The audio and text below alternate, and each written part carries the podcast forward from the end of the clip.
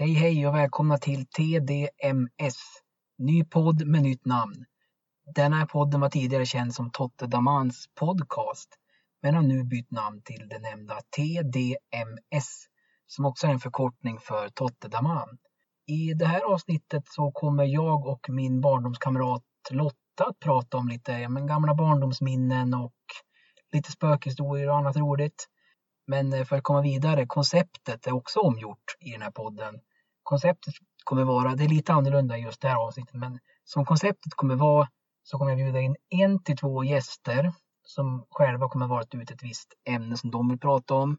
Jag kommer alltså inkludera gästerna mycket mer än bara mig själv som tidigare. Men det kommer även att blandas upp med lite, ja, men lite solavsnitt här och var när jag känner för det. Och det här är också nytt att det här segmentet som ni hör nu spelas in efter att podden är färdiginspelad. Det är därför jag kan säga vad, det, vad vi pratade om och så. Och det här kommer bli återkommande att jag liksom introducerar in i podden på det här viset. I alla fall, det är så podden kommer se ut.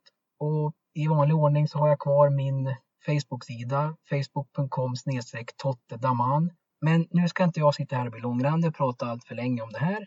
Så vi hoppar rakt in i avsnittet med mig och Lotta.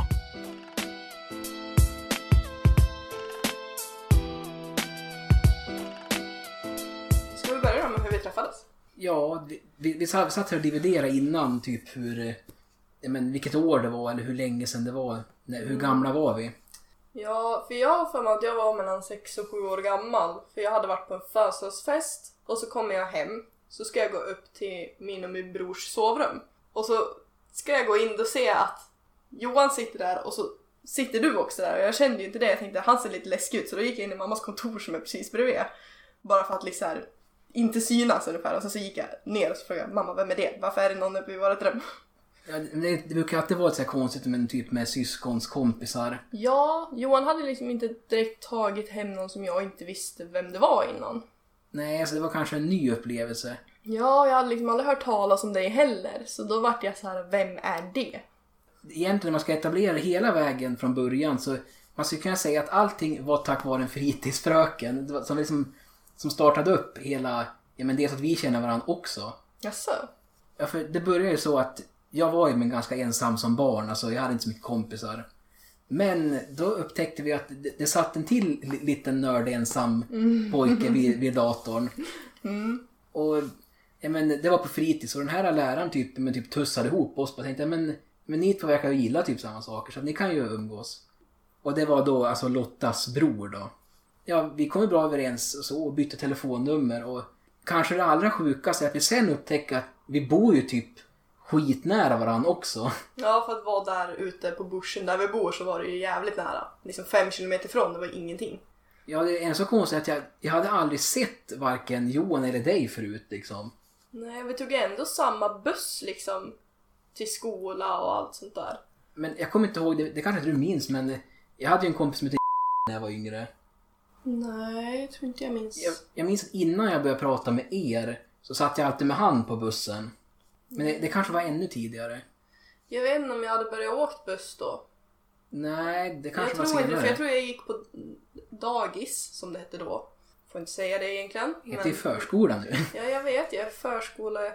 Eller barnskötare heter det så fint som sagt. Ja, Jag jobbar ju på förskola. Det är väl i alla fall en början skulle man kunna säga. Ja, men sen vart ju vi utvecklade i vår vänskap när vi åkte bussen. När du började umgås med Johan. För jag satt ju ofta ganska nära Johan. Och våra stunder i baksätet på bussen liksom. Där det var coola Ja, kidsen satt längst bak och allt det där. ja, men jag har lite svårt att komma ihåg när faktiskt när vi träffades. Alltså, hur, hur fick du och jag kontakt? Vad var det liksom som startade det? Det minns jag faktiskt inte. Jag tror att det var just det att du satt ofta med min bror. Jag, jag Jag, och Johan var... var ju väldigt nära varandra så då var det liksom att jag kände att om han hade en ny kompis, jag var ju så här, jag kände att jag kunde bli ensam om Johan skaffade en ny för han var ju liksom den jag, enda jag umgicks med när vi var så små så att ja, vi ja, Ni bodde växte, långt bort. växte, växte upp ihop också. Så att det, Precis. inte, det var inte så mycket kompisar eller andra barn där ute kring. Nej, Det var inte för mig heller. exakt. Vad jag minns så, vi, vi hade till och med ett visst sätt som vi satt på bussen, det kommer jag faktiskt ihåg. Mm, Att eh, det var ofta så att jag satt innerst vid ena fönstret, sen satt Johan, sen så satt du alltid på ytter liksom Ja, på den där ensamma platsen ja. Och Johan var lite så här, men eftersom jag var en av hans bästa kompisar kände så att, jag kände att men syrran ska inte ha min kompis. Nej, ska inte, Mm. Han ni, var så arg ni, ni ska inte umgås. Nej, vi fick ju inte typ prata med varandra för honom för han ville liksom ha sin egen kompis i fred. Ja, Så tyckte han att jag tog uppmärksamheten för han var ju oftast den som var tyst och jag var ju den som var jättepratig. men jag kommer aldrig ihåg, satt du och Isa bredvid varandra då eller? För Isa åkte väl, nej. Jag tror att jag lärde känna Isa senare. Ja, det kan nog stämma. För hon var ju väldigt blyg också. Och då var det att när går- någon går i släkten. Liksom, ja, det, ni två var väldigt blyg av er. Så liksom om hon satt där, jag märkte nog inte av henne på samma sätt. Det, det måste vi säga för någon som lyssnar också. Isa är min lilla syster Precis. Och Lotta är liksom min kompis. Och min andra kompis Johan är liksom hennes bror. Hennes Ja. storebror. Vi var liksom fyra barn som växte upp på ställen där det knappt fanns andra barn att umgås med. Och föräldrar ville oftast inte köra sina barn så långt för att träffa en kompis. Så man vart ju ganska isolerad. Men jag tror att när vi började umgås, när jag började få upp ögonen för vem du var, det var ju... Men ibland kunde det hända typ att men Johan åkte inte av någon anledning. Men typ... Det hände inte jätteofta, men han kanske, han kanske var sjuk eller... Kommer en insekt och flyger förbi? Fan, gör, eh, vem fan är du? Vad gör du här? Ut! Ja, okej. Mm. det blir kul att spara. Nej men vad fan, det, jag var inte beredd. Det brukar aldrig vara insekter här inne. Ja, okej. Ja, nu fortsätter vi. Nej, vart, vart, vart var jag? Jo, eh, Johan kunde ju vara borta ibland, men än inte jätteofta. Men då, då, då satt ju du och jag, i början satt vi bara långt ifrån varandra, typ byggde oss inte om varandra. Jo men jag tror också jag var ju den här jobbiga lilla systern. Jag ville ju ha er uppmärksamhet. Så jag kunde ju ibland sitta bakom er och peta på er och vara så allmänt jobbig. Bara för att jag ville få någon form av respons. För jag visste mest att Johan, Johan, Johan, då ville ju han inte prata med mig Nej, alls. nej, det, Så då ville jag på något vis få din uppmärksamhet också.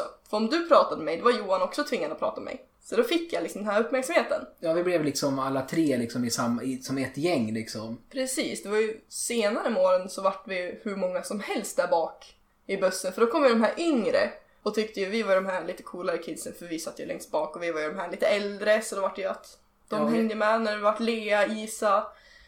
Och det, och det var ju lite mer separat. Jag menar på, på morgonbussen så var det ju lätt, men vi alla tre, eller jag och Johan som pratade. Mm. Det var mer på, när vi skulle åka hem också. Det, det var ju då du och jag sågs mer liksom. Mm. Eftersom att man kunde ha lite olika scheman och såna grejer. Jo, precis. Så, så, så ibland så sågs bara vi två och började prata där och liksom bara... Mm. Så det, det var där situationen längst bak i bussen var. Jo, precis. Sen vart det ju att, ja, man började umgås allt mer. Men vad, vad, vad, vad ledde det till vidare då? Ja, det vart ju att vi vart ju tillsammans av och på. Ja, Mycket. uff, det är ju en bumpy ride så att Ja, säga. men alltså det var ju så löjligt också. För du satt ju och pratade programmering och datorer, vilket jag bara satt och nickade och log liksom, för jag förstod ju inte ett dugg av vad du sa. Och sen så vart det ju en jävla, men alltså det förstår jag verkligen. Tre år nu när man är vuxen emellan varandra, det är ju inte konstigt. Så är det med mig och min fästman. Det är ju Ja, tre år mellan oss, men, ja, men när jag var nio och du var liksom 12 år. Och det här, det här minns jag att eh, när vi var ihop, din mamma hade, hade väldiga åsikter om det där. Och Ja, Alltså nu när man sitter i vuxen ålder själv så kan jag faktiskt, alltså jag köper hennes oro, den är helt, Ja, helt oh, rimlig. ja. Det nu när man sitter, man ska jäm, jämföra en nioåring med en tolvåring, alltså det är ganska stor, det är ganska stor skillnad ändå. det blir en väldig skillnad för du var ju nästan tonåring. Ja, Du jag kom men- in i det här att du hade lite andra, alltså kunde få andra tankar. Ja, alltså det, det är väl 12, det är då man typ börjar och faktiskt men, fantisera i andra banor liksom. Precis, och liksom jag var ju så liten så jag trodde fortfarande att våldtäkt var när man kramar någon för hårt. För det Ja. var den beskrivning jag hade fått.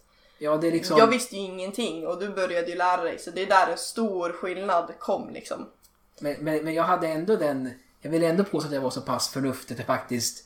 Att jag faktiskt förstod det här till någon del jag också. Ja, så det hände ju aldrig något sexuellt mellan oss då. Det var ju aldrig något sånt. Utan det var ju bara... Mm, du fick en puss liksom när jag gick från bussen och liksom Ja. sådär. Det var typ det. Det var som att var, vi var tillsammans när vi var fem nästan. Det var... Ja, det var bara liksom... Ja, det hände ju aldrig något konstigt. Nej, och och det, det var bara umgås prata. Det var, det var typ...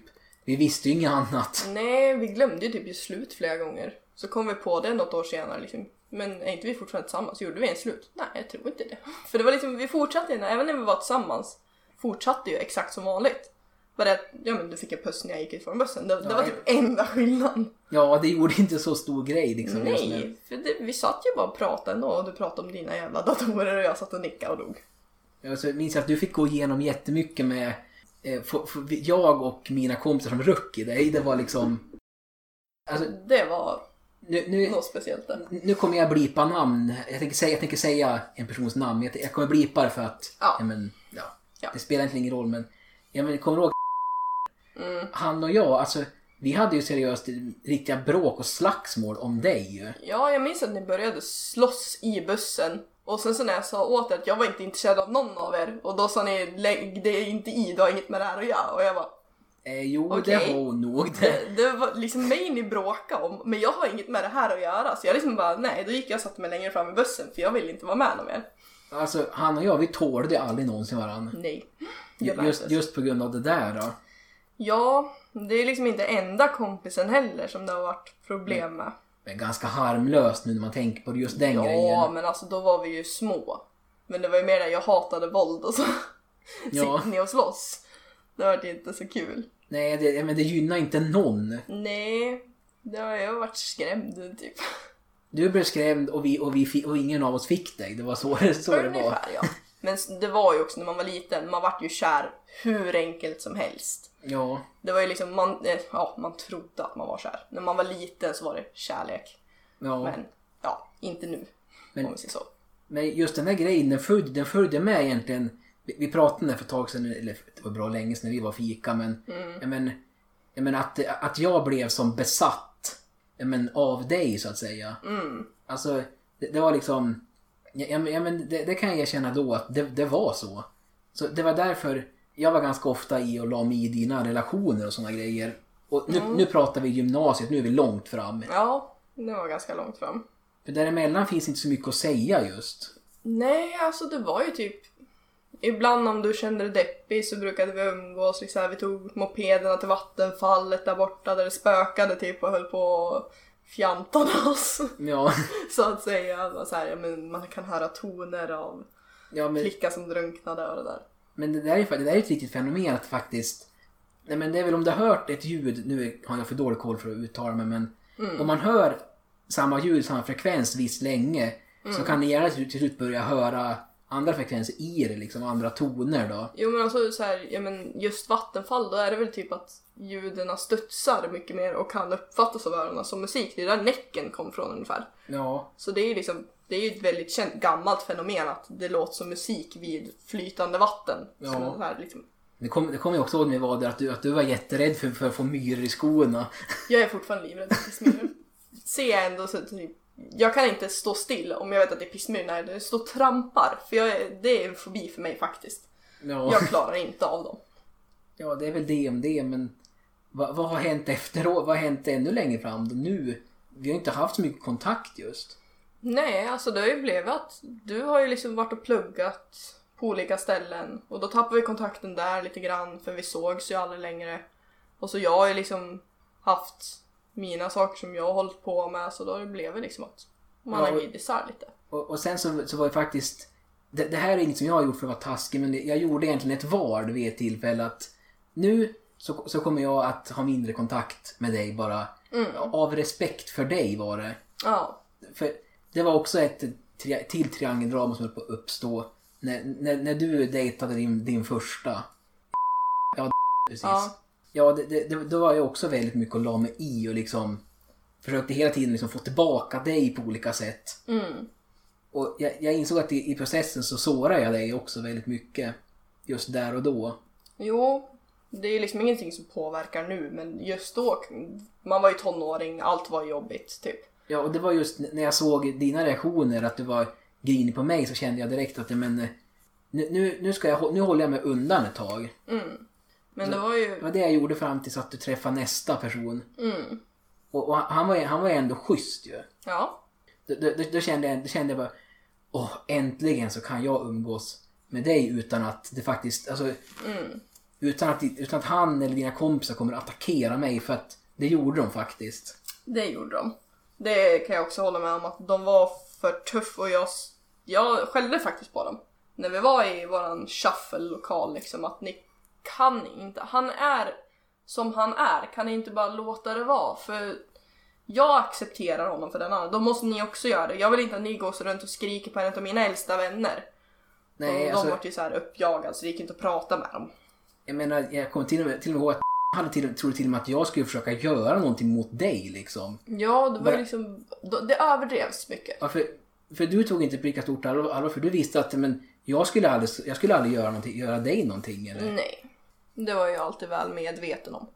Gud vad det här blev djupt. Ja, Det- men det brukar kunna bli det faktiskt.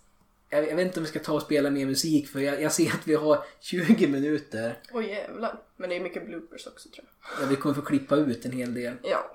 Men jag tänkte bara säga det med besattheten du hade för mig. Jag hatar att skryta men jag var ju bra på psykologi ganska tidigt. Ja, Eh, Och det var ju mer för att du fick ju en form av bekräftelse när du var tillsammans med mig och du fick en sån här att du betydde mer, du fick ett större självförtroende.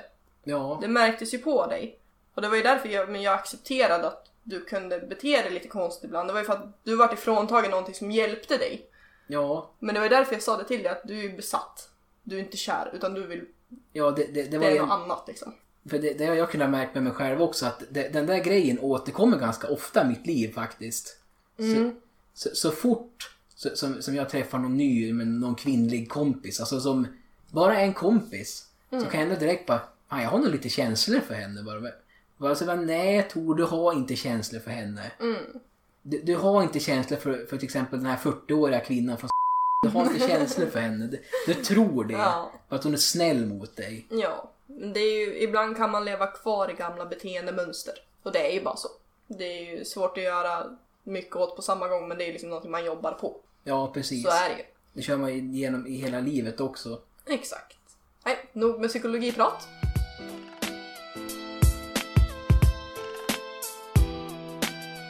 Och vad tänkte vi prata om nu då? Ja, högstadieupplevelser blir det. Ja, för Lotta sa det Bergsåker sa hon, men det, det säger inte er så mycket kanske. Brett ämne. Väldigt brett, väldigt ja. lokalt. Ja, men Bergsåkersskola tycker jag, det, själv tycker jag det var en lite speciell skola att gå på. Med tanke på hur de Ja, alltså, höll det, på. Men för andra är det, är väl säkert samma som på alla andra skolor också. ja, den har ju sin charm för att, ja, det vet inte ni som lyssnar, men det, det var ganska men, intensiv, kommunal skola, riktigt intensiv stu, studie liksom på just, just på högstadiet. Ja, och så känd idrottsskola. Alltid bäst på alla ja, sporter. Ja, och då, då, är, då känner man sig lite utanför när man inte är den, den sportiga. Nej, du och jag hade ju lite det problemet att ingen av oss var ju de här sportiga människorna. Liksom, vi hade inga sådana direkt fritidsintressen. Det var ju liksom bågskytte och aikido och judo och sånt där. Ja, det, det, det, var, det var sådana saker. Det var med på fritiden också. Ja, och du fick ju ingen användning av det under skoltiden. Nej, för man vet ju, gympalärare har ju en tendens att välja... De väljer ju alltid sånt som är lätt att ställa upp. Typ fotboll är lätt, bubba en boll, Precis. målen. Innebandy är lätt. Vi pratade om det nu här i pausen, om redskapsgymnastik. Ja, precis. hur, hur jag... För, för jag, var, jag var ganska kraftig när jag gick i högstadiet. Alltså, jag, jag var all, alldeles för kraftig om man säger så. Men jag stod alltid och tänkte bara, vill ni att jag som väger 100 kilo, ska jag hänga i ringarna? Det, det kändes ju inte som att, nej, det känns inte som min grej riktigt. Nej, jag är också lite känd för att jag var knubbig. Folk tyckte ju att jag var stor. Jag vet faktiskt inte om jag var så stor som de påpekar eller om det inte riktigt var så. Jag hade väl inte den självbilden. Nej, alltså, alltså jag, så, man har en tendens att se sig själv på ett visst sätt. Att man, man tycker ju sig själv, man säger men jag, är- jag, är, jag är ganska tjock kan man ju se, tycka själv. va, Men andra är inte säkert att de ser, ser en på det sättet. Precis. För, Så, för jag menar, jag, jag, jag såg aldrig dig som tjock, det gjorde jag inte. nej, alltså jag tyckte väl aldrig riktigt att jag var tjock. Jag kunde hålla med om, jag var lite småmullig. Alltså Ja. jag var lite såhär um, rund på ett sätt. Men det, det är ju också en sån där grej, alltså just det, men barn, kunna, barn nu för tiden är, kan, ju- kan ju se ut lite så. Det börjar bli Mm. allt vanligare. Man har ju barn, kvar barnfett som man kallar det. Så här, ansiktet blir ju smalare när man blir äldre och sånt där. Men för mig tog det ett tag också. Det var inte först ja, men nian, så mitt, så här, åtta nian så började mitt ansikte smalna av lite. Ja, Nej men det var ju, alltså upplevelsen på Bergsåker det var ju verkligen, man kände sig ju utfryst Men faktiskt, jag var väldigt glad när jag kände mig utfryst istället för att få uppmärksamheten för det, det var det värsta som fanns. Ja, jag, jag håller med. Att stå i centrum är aldrig... Nej, och det var oftast inte av positiva saker som man stod i centrum. Och var det det att man fick beröm av en lärare så var det ju oftast en kommentar som kanske inte var så trevlig sen av Ja, andra studerande. avundsjuka kan man säga. Ja, jag hade ju det en gång på gympan för som sagt jag var inte speciellt duktig på gympan. Jag stod ju bara där. Men då hade vi den här äh, handboll, du vet, inte volleyboll utan den här som du sprang iväg, verkligen körde handboll. Ja, Och jag var faktiskt duktig på det. Jag gjorde fem av sju mål ja. och jag kände verkligen att jag hittade något som jag är duktig på. Men då tjejen som också gick i min klass då, som var världens sportfåne, du vet den här som ska vara bäst på allt Mm, känner till dem. vart så arg. Men hon och jag var i samma lag. Och hon var på halvplan ungefär. Jag var uppe vid målet, jag var fri. Så jag så här skrek passa bollen liksom så här, och så Ja. till och med läraren skrek passa bollen till Lotta liksom. Men den här tjejen försöker springa fram själv och kasta i mål fastän typ halva laget från motståndarlag stod framför henne. Ja, bara för att hon ville göra målet liksom. Ja, och sen sa hon till mig att jag ska fan inte tro att jag är någonting. Jag hade bara en jävla tur den här dagen, liksom, jag är inte bra på sport, jag är fet, liksom, typ sånt där. Ja, det är man arg? onödigt. Ja, det, det är också... Men det, det är kul att bli förbannad över något sånt. Alltså, när man inte är bra på just något speciellt på idrotten så har du en Mm. grej, bara kan man inte få ha det? Precis, det är liksom, jag stod ju aldrig i vägen för henne när hon körde fotboll eller innebandy eller något sånt, för jag var ju bollrädd också, för det var väl några killar i klassen som var jätteduktiga på att skjuta upp den i ansiktet på mig. Ja, kö- köra, en- köra en sån där headshot med fotboll. Ja, en gång så var det så att jag fick näsblod för de sköt upp den i ansiktet så hårt på mig. Då, alltså- Men då vart Pelle förbannad, så det var ju tur det. De är, de är störda i huvudet. Alltså, alltså sportkillar på idrotten i den Mm. åldern. Alltså förlåt, fy fan. Alltså det är ju verkligen så här. Det finns inga hjärnceller som går runt Ja, och jag just menar, den stunden. Ja, men jag tänkte, det, du vet inte, du, du kan säkert föreställa dig, du, du som är tjej, alltså killarnas omklädningsrum. Fy fan, det, det, alltså, det är värsta platsen på jorden skulle jag påstå. Mm. Alltså, det snärtas med handdukar, det slåss, det retas. Ja, tjejernas omklädningsrum var ju faktiskt relativt lugnt på så sätt, men då hade man ju den här osäkerheten själv och så försökte man gömma sig. För man såg inte ut som de andra tjejerna och liksom så här Ja, för, sådana problem. och, och, och som, som kille gäller just det, det gäller väl alla, men som utsatt, man vill alltid att någon skulle spola ner ens kläder i toan. Det, det, det, kunde ju uppstå, i alla fall hos killarna. Ja, det har jag faktiskt aldrig varit med om, så det är jag glad för. Hö- Höll på att hända mig en gång, men då kom idrottslärarna på dem. Ja, det var en jävla tur då. Det, det, det var typ att jag hade, men jag tror det var några sportkillar som skulle hoppa över plinten och så hade han missat så att jag typ råkade skratta åt det för det såg lite kul ut. Ja. Det tålde ju inte här, eller de sportiga tycker inte om det där eller? Mm. Att nörden gör narr av dem. Så då, då, då fick man ju höra den men de hann ju inte göra det som sagt. Nej, det var ju tur. Jag hade det här, äh, man var ju utanför. Men jag hade ett kompisgäng som nu i äldre dagar, jag fattar inte varför jag umgicks med dem. Det var ju de värsta människorna jag någonsin kunde umgås med. Jag, alltså vissa av dem, jag kommer ihåg, vad hette hon? Hette hon... Hette hon så? Kan hon som det? Ja, Hon var ju inte, alltså det som jag tänkte också, varför umgås Lotta med henne? Hon är ju bara ytlig och jag, kille, trög men fattar ändå att Alltså hon umgås med henne för att hon vill se bättre ut själv. mm. Och så var det ju också, jag kände att jag måste ju typ köpa mina vänner. För varför skulle någon få någon nytta av att umgås med mig? Varför skulle någon tycka om mig för den jag är? Så det var ju typ varje gång de behövde någonting gick de ju till mig och så fick de det de ville ha. Ja. Då fick jag, jag hade ju det här busskortet, gratis resor hur många som helst eftersom att vi bodde ju långt bort. Ja. Ja just det, det var ju en grej när vi, när vi var små också. Fan vad enkelt det var att skolka, man kan åka vart man vill man bara trycka det där jävla busskortet. Det, det, har de, det har de satt stopp för i den här stan. Ja, det har de. Det var ganska länge sedan. Man, man kan bara åka två resor om dagen eller någonting. Ja, och så byten. Det är typ det du måste hinna med att byta om du ska fler. Ja.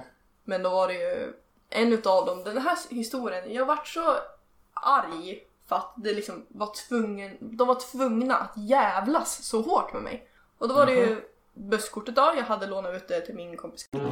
Och hon åkte iväg, kommer tillbaks och så frågade jag vart är mitt busskort? Och då sa hon, nej jag tappade bort det. Jag liksom, men vad då du tappade bort det? Jag behöver ju mitt busskort. Ja. Så han, ja men det är för bara gå till receptionen och hämta ett nytt. Jag bara, ja men det kostar 50 spänn. Hon bara, ja men då får du väl bara lägga ut 50 spänn så får du ju ditt jävla busskort. Jag liksom, men snälla du, alltså det är ju du som får betala mitt busskort för jag lånar ut det till dig. Så han, ja men säg det till hon i receptionen nu. Ja. För det var liksom, då, då är det jag som får skit. Ja, som det är du som tar bort det. Exakt, eller att jag har lånat ut det. Ja, och för det får jag ju inte göra. Nej, man fick inte överlåta dem där. Nej, så då kan det hända att jag blir av med privilegiet också. Och att de spärrar till två Två, turer. två om dagen, ja, Ja. precis. Så jag var ju så less. Som tur var så var det ju mamma som körde bussen. Och hon började ju direkt ifrågasätta varför har du inte ditt busskort? Mm, såklart. Och jag sa det, det när jag råkade tappa det. Nej, så var det inte alls det. Det var en annan gång det hände, men då var det att det var en kille som hade hittat mitt busskort. Jaha. Det låg bara på skolgården. Så då kom det en kille i min klass. Alltså Lotta, namnet. det här är ditt... Vadå? Ja, jag stod, jag stod i namn på dem, ja precis. Vad Mm. det? Ja Lotta, det här är ditt busskort. Jag bara, åh tack, vart hittade du? Där borta, så gick han. Jag bara, ja men jättebra. Ja. För jag minns att det var dig jag pratade med på bussen om det sen. Ja, För jag var så arg över att hon tappade bort mitt busskort. Och att det liksom, jag ska behöva betala det och hon kan liksom inte ta något form av ansvar och det stör mig. ja, Och så tjejen som satt bakom oss gick två år nedanför mig. ja, jag försöker fundera vem det kan vara. Jag, jag kommer inte ihåg riktigt. Lite fjortisutseende om man säger så. Ja, jag vet precis vem det är. Mm. Eh, och så där då så hade ju hon tjuvlyssnat. Och sen så dagen efter då kom jag till skolan. Jag satte mig borta vid skåpen vi hade, där borta vid historielektionsavdelningen Ja, och det där. Så kommer jag med den här och är förbannad på mig och står och skäller på mig och säger vad fan sitter du och kallar mig för hora för allt? Jag bara vänta va? Vad snackar om? Ja, Varför vad- skulle jag någonsin säga det? Ja, vad kom det ifrån? Har det med någonting att göra? Eller hur? Och jag tänkte bara, men vad är det som händer? Hon bara, ja men tro inte att jag är dum. Du vet, och så den här tjejen då som satt bakom oss Ja, hade sagt att eh, det var en jävla fitta som hade tappat bort mitt busskort och jag hatade henne, hon var så jävla slampa, hon var världens vidrigaste människa och det är ju ord som jag aldrig någonsin använde. jag, jag tror inte, jag vet inte om du ens nam- nämnde hennes namn, eller kanske du gjorde. Jo, jag sa ju tappade bort mitt busskort och att jag är lite sur över det. Som tur var så var det någon som hittade det. Ja, det är liksom Men slut, att hon var oansvarig. ja, slut på diskussion. Exakt. Och sen så på något vis, den här tjejen ville ju verkligen starta ett bråk. Och då var det att, ja men, jag hade nämnt saker om också. Ja. Att, ja det är inte bara som är så jävla fitta, för fan, det är ju världens jävla hora och liksom. Det var så grova ord som jag vägrade använda. Du minns ju förbannad jag varit när folk använder sig av de där orden, för det är liksom varför? Jag tycker kul att hon fabricerar just det ordet med tanke på, fan får jag säga det, med tanke på hur hon var, man, man hörde ju. Mm, jo, hon var ju lite Det, där, det där saken som du berättade med det var inte sant. Det kan, kan inte vara sant. Vilket då? Ja men det var, var det inte hon som, det kanske var någon i min klass som påstod att hon hade gått hem med någon på lunchen och massa grejer. Nej det var inte hon, det var nog någon i din klass i så fall. Den här tjejen Ja. hon tog, eh, tog kille och hade sex i hans epa. Och sen, Ja, det, det det var ju annat. den twisten. Så jag tyckte de var så löjliga. Och jag liksom, men varför? Jag frågade ju varför är du med den här killen? Släpp honom. Han är ju iväg och gör massa annat. Men hon vart inte arg på honom, hon vart arg på henne. Jaha. Och det är liksom, ja men om du har en kille som är otrogen, varför sitter du och tjafsar med den andra tjejen? Ja, det är, väl, det, det är väl bara, det är slut. Det är väl Ja. inget mer med det. Visst, de två var ju vänner och hon visste ju att och den här snubben var tillsammans. Ja. Och det tycker jag är fult av en vän att göra så. Men jag sa det, jag vill inte bli inblandad. Och sen kommer båda och skriker på mig liksom, varför har du sagt det här till henne? Varför har du sagt det här till henne? Jag liksom, men jag sa åt er båda att släppa det, det är det jag har sagt. Ja. Och ändå får jag skiten och sen så blir de bästa kompisar och hatar mig. Och liksom, jag orkar inte bry mig något mer. De Nej. kommer tillbaks imorgon och så kommer de bara, kan jag få låna ditt busskort eller? Ja, så- som att inget har hänt. Exakt. Så, så du hade ju dina upplevelser på det hållet. Men om man, om man ska vända runt på det. Jag, jag sa just det att jag hade det ganska bra på högstadiet. Mm. Och det beror på att jag var som absolut mest mobbad och utsatt. Det var ju på låg och mellanstadiet som jag var som mest utsatt. Mm. Och i slutet, typ i sexan, så, så kommer jag ihåg att de, de sa att ja, nu ska ni snart börja på högstadiet och då kommer vi att blanda om klasserna. Så det kommer komma folk från, eh, från Kovland och folk från, vad är det mer för skolor? Vad för skolor då? Var det, var det Granlo eller vad var det? Ja, jo precis. Högom ja. Ja. Och det minns jag också att vi fick, fick göra typ några lappar där vi fick välja en, men, välja en klasskamrat man ville ha med sig i sin klass liksom. Mm. Och jag kommer ihåg att jag minns inte vem jag valde, det spelar ingen roll egentligen. Men när jag började min nya klass, ingen av de mobbarna från förra klassen var i den. Ah. Och jag antar att det har med stödpedagogläraren som jag gick hos, för jag, jag var väldigt mobbad och utsatt. Och de hjälpte mig mycket liksom. Jag hade inte svårt i skolan, men jag behövde någon att prata med ibland bara. Mm. Ja, så finns det andra bråk runt omkring, men det kan vi ta, annan- det kan vi ta någon annan gång. Mm. Det är inte du med i heller så. Nej. Men i alla fall, den här omblandningen av klasser, det var det bästa som någonsin kunde hända mig. Jag hamnade i, jag vet att ni tycker att det var värstingklass, men jag tycker verkligen inte det. Nu är jag sjuk allihop alltså. Ja, men, vi, kom, vi kom riktigt bra överens allihop, det gjorde vi. Jo men lärarna har varit gråhåriga efter att ha haft det. Ja, Det vi, var ju det, ni förstörde. Alltså, de sa att ni var den klassen som lyckats gjort så mycket skada på skolan i så här pengasumma att laga. Mer än klasser som någonsin har varit. ja det, det, det är nog möjligt, men i vilket fall så kom vi i alla fall väldigt bra överens allihopa. Hade en väldigt bra som, sammanhållning liksom. Mm. Tills jag började på gymnasiet. Då, då är det ju dags att helt omgjort. Ingen valde samma som jag. Det var i alla fall att när jag började på gymnasiet så vart det mer utspridd. Den klassen. Det vart liksom men klickar av folk här och var. Det var liksom ingen sammanhållning riktigt. Nej.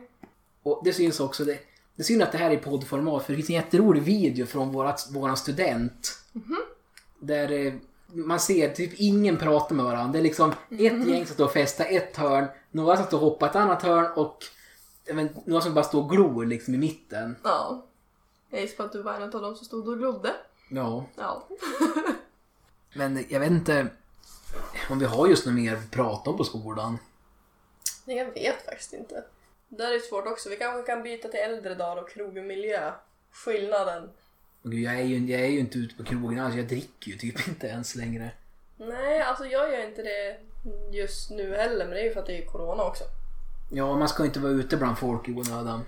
Nej, folk är ju det ändå så det är ju lite skitsamma. Sen så har vi ju Christer som hostar så han får inte gå ut. Men det Nej. är lugnt, det är fastställt. Han har inte corona. Nej, Han har och, testad. och, det, och, och jag har inte corona heller även fast jag är täppt i näsan. Jag har pollenallergi. Ja, han är pollen och kattallergiker så han fick inflammation i lungan också så då vart det ju Ja, tio gånger värre liksom. jag, skulle, inte, jag skulle ju helst inte komma in på corona men jag, jag måste berätta en rolig sak som hände häromdagen. Mm. Alltså, alltså jag, jag håller på att skämmas ihjäl. Jag, jag var på, på vårdcentralen och jag skulle väl prata med, ja skitsamma, jag skulle, jag skulle till vårdcentralen i alla fall. Nu har de satt upp som, det kanske ni vet, men jag vet inte om det är så överallt, men satt upp som en liten glaskur när man kommer in, typ plexiglaskub. Så sitter det någon där och typ men, frågar om man har, om man har rest eller om man är frisk och så liksom. Mm. Och jag kom in där och ställde mig och väntade på att det var ingen där så jag väntade liksom. Mm. Och så känner jag, precis när personen har, har börjat komma, liksom, då känner jag att fan jag måste nysa. Mm. Eller det var mer att det kom en nysning, en sån här snabb, det kom från ingenstans. Ja. Den var så snabb så jag hann inte få upp armen och nysa i armvecket. Så det jag gör är att jag nös snor rätt på den där glasgrejen när hon satt där. Då var hon glad att den fanns alltså. Ja, ja, men hon, hon, var, hon, var, hon, var, hon var skitsur. Och, Ja. och, och frågade bara... Ja, du har, det var precis när du skulle fråga om jag hade något symptom också. Mm. Bara, ja men varför har du gått hit om du har symptom? Du nyser du, du nös ju precis rakt. Och så just läxa upp med att jag måste nysa i armvecket. Jag hann ju inte. Nej. Jag, jag tänkte ju göra det men jag hann inte få upp armen dit. Mm. Men eh, efter lite rotande i journaler och sånt så såg hon att jag faktiskt hade pollenallergi. Mm. Och jag sa det också att medicinen är slut. Jag ska hämta mer sen så att jag fick komma in ändå. Men det var så jävla skämmigt att jag nös precis när hon sa det. Oj. Har du något symptom? Acho! Ja precis, det var liksom bara pricken över i.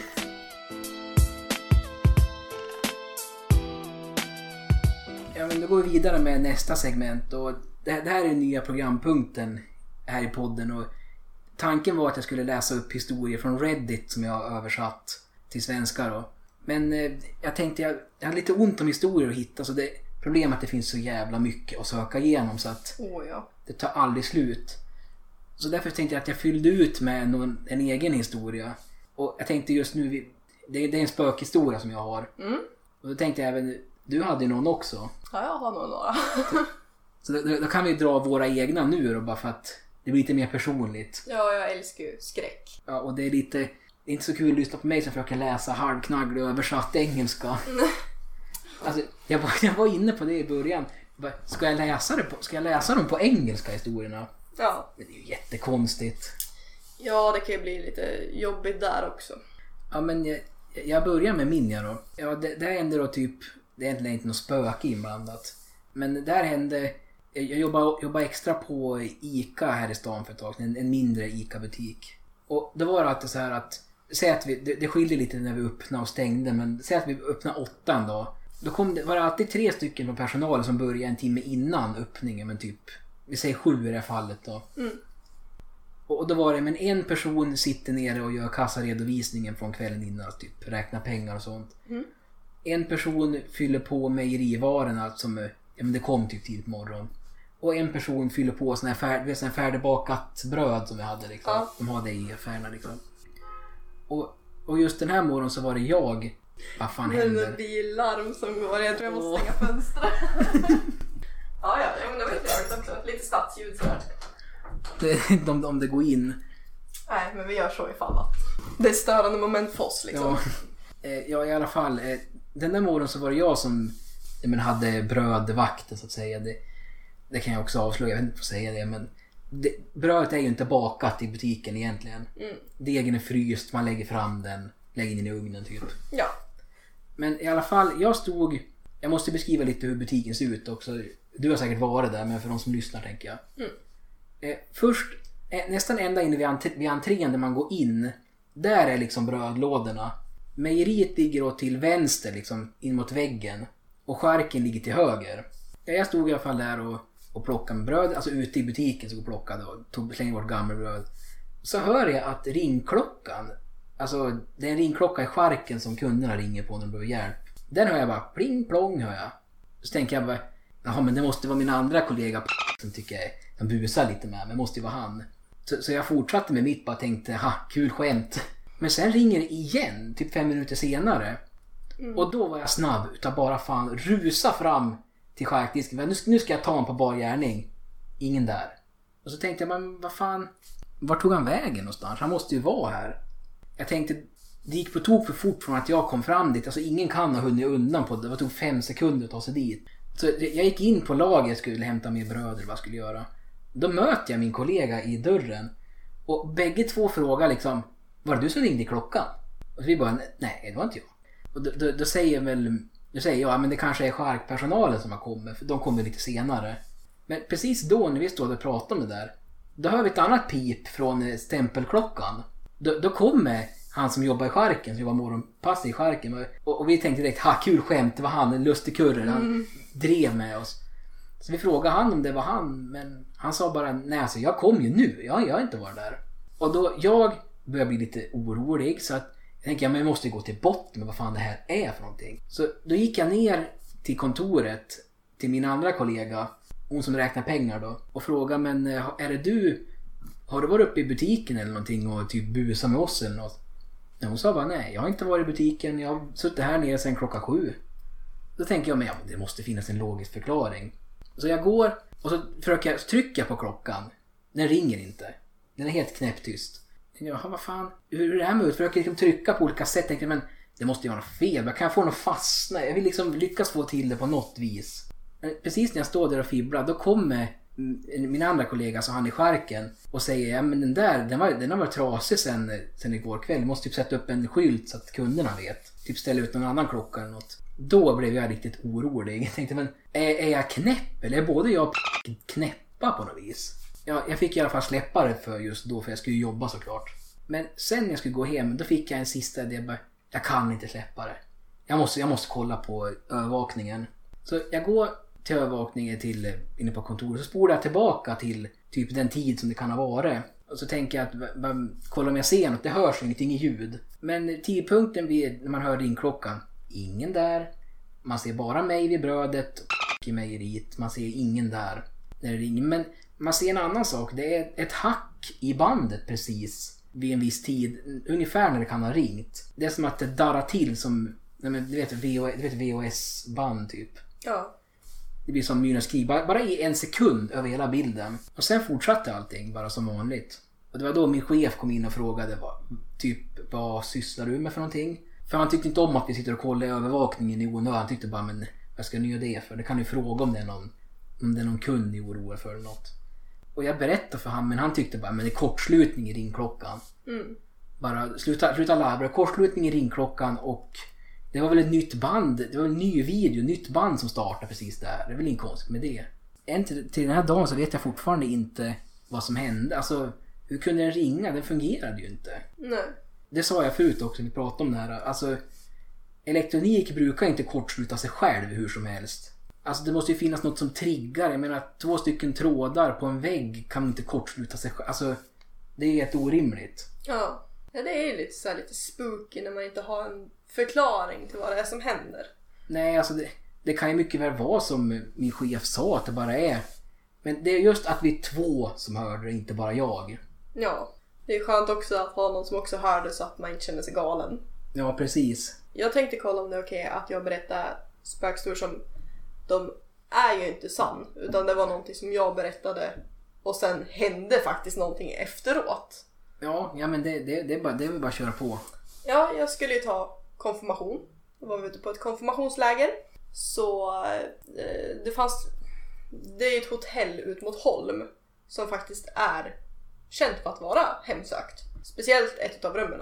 Mm. Eh, och det visste jag för min mammas chef är faktiskt chef över det hotellet också. Eh, så vi har ju haft julbord och sånt där och då har ju de berättat det då. Och att de måste göra säkerhetsåtgärder för fönstret öppnas, dörren ska konstant vara låst annars kommer den hålla på att öppnas och stängas under hela natten. Jag står slår alltså. Precis, och de tycker att det är ett störande moment, stör ju gästerna och skrämmer gäster så de måste ju verkligen, de har satt speciallås också på det där fönstret. För de har försökt bara haspa i det men haspen går upp under natten och så börjar fönstret flyga. Eh, Så det är ett aggressivt spöke som de kallade det för. Ja, precis. Eh, Men jag sov inte inne på hotellet utan jag och några av konfirmandledarna sov uppe i en stuga som är på andra sidan vägen. Eh, Och många av dem som skulle konfirmeras bodde nere på hotellet. Jag fick vara med ledarna för att jag hade speciell kontakt med dem. Så var det en kille där som var väldigt uppkäftig av sig och så här skulle retas med alla och då tänkte jag nej nu ska jag göra en spökvandring för jag märkte att han är ganska skitnödig så att säga när det kommer till spöken och han blir skakis. Tyckte du var kul ja. Oh ja, det älskade jag. Jag var så nöjd. Eh, så då drog jag med han ut. Och så de flesta konfirmanderna följde ju med för att de tyckte att ja men det är lite spännande med lite så här spökhistorier och sånt där. Eh, och jag kom ju bara på saker allt eftersom. Försökte få det att låta rimligt på något sätt. Nu är det en stuga som är bredvid ett litet vattendrag där då. Såg jag en liten så här båt som stod innanför fönstret, så här en liten prydnad. Så jag ser du den där båten? Det var förr så det bodde faktiskt en liten flicka här med sin mamma och pappa. Pappan hade ett väldigt humör, hade väldigt enkelt att bli arg och Men du, misshandla du hittar på det där alltså? Allt hittade jag på efter allt jag såg. Mm. Så det var, jag tog med allting jag såg på stället för att få det att låta som att det faktiskt har hänt där. Ja. För det gör ju upplevelsen skrämma, mer skrämmande. Så det där var hennes favoritleksak. Hon älskade att leka i den här, eh, ja vad blir det, pond fast på svenska. Eh, dammen. Ja, dammen. Jag fattar inte varför man ibland hittar ord på engelska och, men hittar dem inte på svenska. Ja, ja, precis. Så hon brukade leka med den båten där. Men en dag så fick pappan ett psykbryt, som jag kallar det för. Mm. Eh, för han hade fått för sig att mamman hade varit otrogen. Så han mördar mamman inne i stugan med hjälp av en kniv. Sen ser han sin dotter lekandes i dammen som vanligt. Hon Mm. ser pappan som är full med blod på kläderna och ilskan han hade i ögonen. Hon förstod ju precis att hon måste fly därifrån. Hon Mm. kommer inte klara sig undan annars. Så hon försöker fly men det går ju för långsamt. Det är ju lera i den här dammen. Så han får tag i henne och trycker ner henne under vattnet så hon drunknar. Och sen hängde han sig själv i stugan efter han förstod vad han hade gjort. Mm. Eh, så polisen hittade den här flickan i dammen då och sa att leksaksbåten flöt precis bredvid henne. Så det är därför båten är kvar som ett minne av den här stackars flickan vars liv togs ifrån henne. Så varje natt när det blir sån här fullmåne så kan man se en lerigt, så här, kritvitt ansikte komma upp ur vattnet och vilja få ner folk för att hon tycker att det är orättvist att hon var tvungen att dö. Hon fick inte leva klart sitt liv. Så gick vi vidare. Då såg jag ett hus och det, det var ganska skrämmande. Det var så här eh, nästan som en... Men gud, vad heter det då? Jo, vad heter det? det Nej, jag vet här inte. Luftgrej så här och så snurrar den. Eh, windmill, Ja, vindmölla, vad väderkvarn. Väderkvarn, tack. Ungefär som en väldigt liten sån kan du tänka dig, så här rundaktig. Så här mörkt innanför fönstren. Och då var det ju en kvinna där som hade bott där hela sitt liv. Hon vägrade flytta. Hon tänkte inte flytta sig för att det skulle byggas någon form av hotell här. Nej. hennes mark. Hon vägrade bli uppköpt. Dagen som de kom med bulldozern för de hade köpt upp det av kommunen för att ja, det var mycket mer pengar som de kunde erbjuda än vad hon kunde. Eh, Då hade hon hängt sig inne i det här väderkvarnen då, som hon även bodde i på nedersidan. Så är det att om du kollar igenom vindrutan så kan du se hennes kritvita ansikte längst upp i trappen som stirrar ner på dem med ett brett leende. Han vägrade titta in genom fönstret och vart livrädd när jag försökte trycka närmare fönstret. Så vi gick vidare. Då såg jag en stor klocka. En så här, du vet, gammal som man kunde dra i så att om det var en brand eller något så kunde folk i närheten höra och ta Ja, åtgärder då. ja, precis. En sån här gammal med, som man drar i ett rep. Ja, Precis, så här lite högre upp, ganska stor klocka. Eh, och då kom jag på det att det var en, eh, ett sågverk härför på den här platsen. Eh, och den här klockan fanns även då för de var tvungna att stoppa maskinerna när folk fastnade i den. Så det var så många människor som tappade sitt liv för att säkerhetsåtgärderna inte De fanns inte liksom, funkar inte. Precis, det fanns inga säkerheter på den tiden. Så de började slå den där klockan för att maskinen skulle stängas av så snabbt som möjligt så att de kunde ta bort kroppsdelarna som har blivit fastnade i den här cirkelsågarna. Ja, Så ibland kan man se att det kommer så här armar så här krypande längs marken och delar av människor som har blivit uppskurna av den här maskinen som kommer tillbaks vid sågverket när klockan ringer. tänker typ, halv, typ som zombies, halva människor som kryper i typ jorden. Typ, kryper i liksom... Ungefär. Fast Ja, fram. spöken egentligen som är Ja. kvar vid det stadiet där de dog liksom. Ja, precis. Eh, Jag förstår. och så sista turen var rummet där det var känt att det spökade. För även personalen hade berättat för alla att det här rummet är ett rum som ni inte ska gå till. Alltså att det spökar där på riktigt, var det du ville komma Det, till? det gör det. Ja, Eh, och personalen hade ju redan varnat alla ja och precis. berättat det så att ingen ska bli skrämd och att det inte ska bli någon så här eh, ja, Ja, uppståndelse. Du behöver inte vara där liksom. Precis, de försöker bara hålla folk borta därifrån. Och då kände jag det här är ju perfekta rummet när man har fått den här varningen. Och han är redan skraj som bara den, liksom, det var ju kolsvart ute, det var ju vinter. Du kan tänka dig liksom, mitt ute i skogen på ett hotell, liksom, spökar överallt liksom. Ja, Så går jag mot det där rummet och så sa jag det att ni vet ju säkert vad det här är för rum. Det här är rummet vi inte får vara i. Men eftersom att jag känner chefen så har jag fått nyckeln och jag tog bara upp min hemnyckel. ja. Bara för att. Eh, Så jag tänkte att vi skulle gå in i det här rummet och du och jag ska sova i det här rummet i natt eftersom att du har varit så jävlig med alla här. Och han vart ju livrädd och han började backa så folk tog ju tag i honom för det var ju inte bara jag som hade stört mig på honom. Och så här håller fast honom för att liksom vi, nu ska vi öppna dörren, nu ska vi gå in här du och jag. Ja. Och jag kommer låsa in oss i det här rummet i natt. Såklart, jag kunde egentligen inte få upp dörren. Nej, den var ju låst. Ja, men jag låtsades bara att jag hade ju redan låst upp det.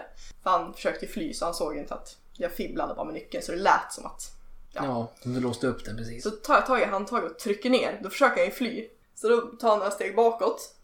Och som tur var, alltså det var det bästa jag varit med om. Tjejen bredvid, det var en hiss precis bredvid. Mm. Och det är så här knapp som man trycker på så att dörren öppnas. Ja, på precis. handikappad. Hon råkade luta sig mot den, Så- just då. Så dörren öppnades. Dörren öppnas och den här killen springer till prästen som var med och halvgrinar och skriker att det spökar, han tänker inte vara kvar här, han kommer bli tagen av demoner, han vill åka hem liksom. Det var ju världens uppståndelse. Och hon tyckte att mina spökhistorier lät så roliga så hon ville ta med alla som var med och lys- lyssna på de här. Vi gör en rundtur av det. Ja. Så då fick jag göra igen det. Sen gick folk och la sig och allt sånt där. Och just i hans rum så han sprang ut mitt i natten, livrädd, grinar för dörren till garderoben hade öppnat sig under natten och han tyckte han såg ett kritvitt ansikte.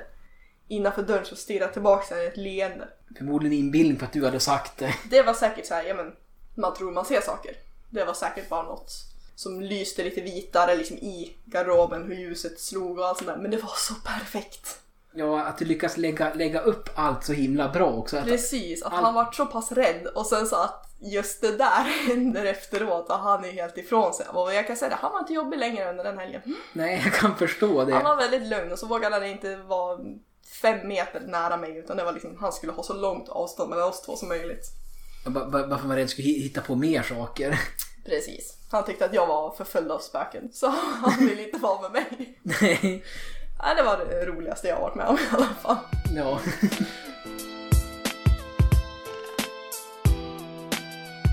Ja, det var väl allt vi hade att bjuda på för den här veckan.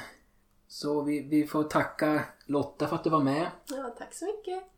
Det, det, det, var, det var kul att spela in faktiskt. En ny, ny upplevelse. Ja, nej men det kan jag hålla med om. Det var en rolig upplevelse faktiskt. Jag hoppas verkligen att du kommer med på fler avsnitt i framtiden. Ja, fan det, det löser vi. För då kan vi lite, lite lätt glida in på hur upplägget med schema kommer se ut för den här podden. Podden är ju nystartad under namnet TDMS.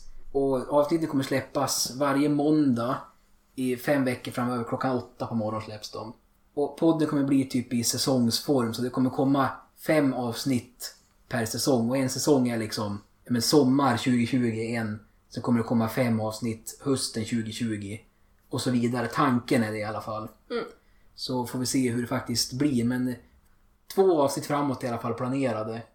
Nej fan, det är fel, det är fel igen. Jag, jag, jag vet inte. Vi, vi spelar in, det här spelas in i förväg så jag, jag vet faktiskt inte hur många avsnitt det faktiskt är. Men fem stycken är spikad för den här säsongen i alla fall. Så eh, förutom det så får ni jättegärna följa min Facebook-sida. Facebook.com tottedaman. Så hörs vi helt enkelt i nästa avsnitt. Så tack för oss. Hej då!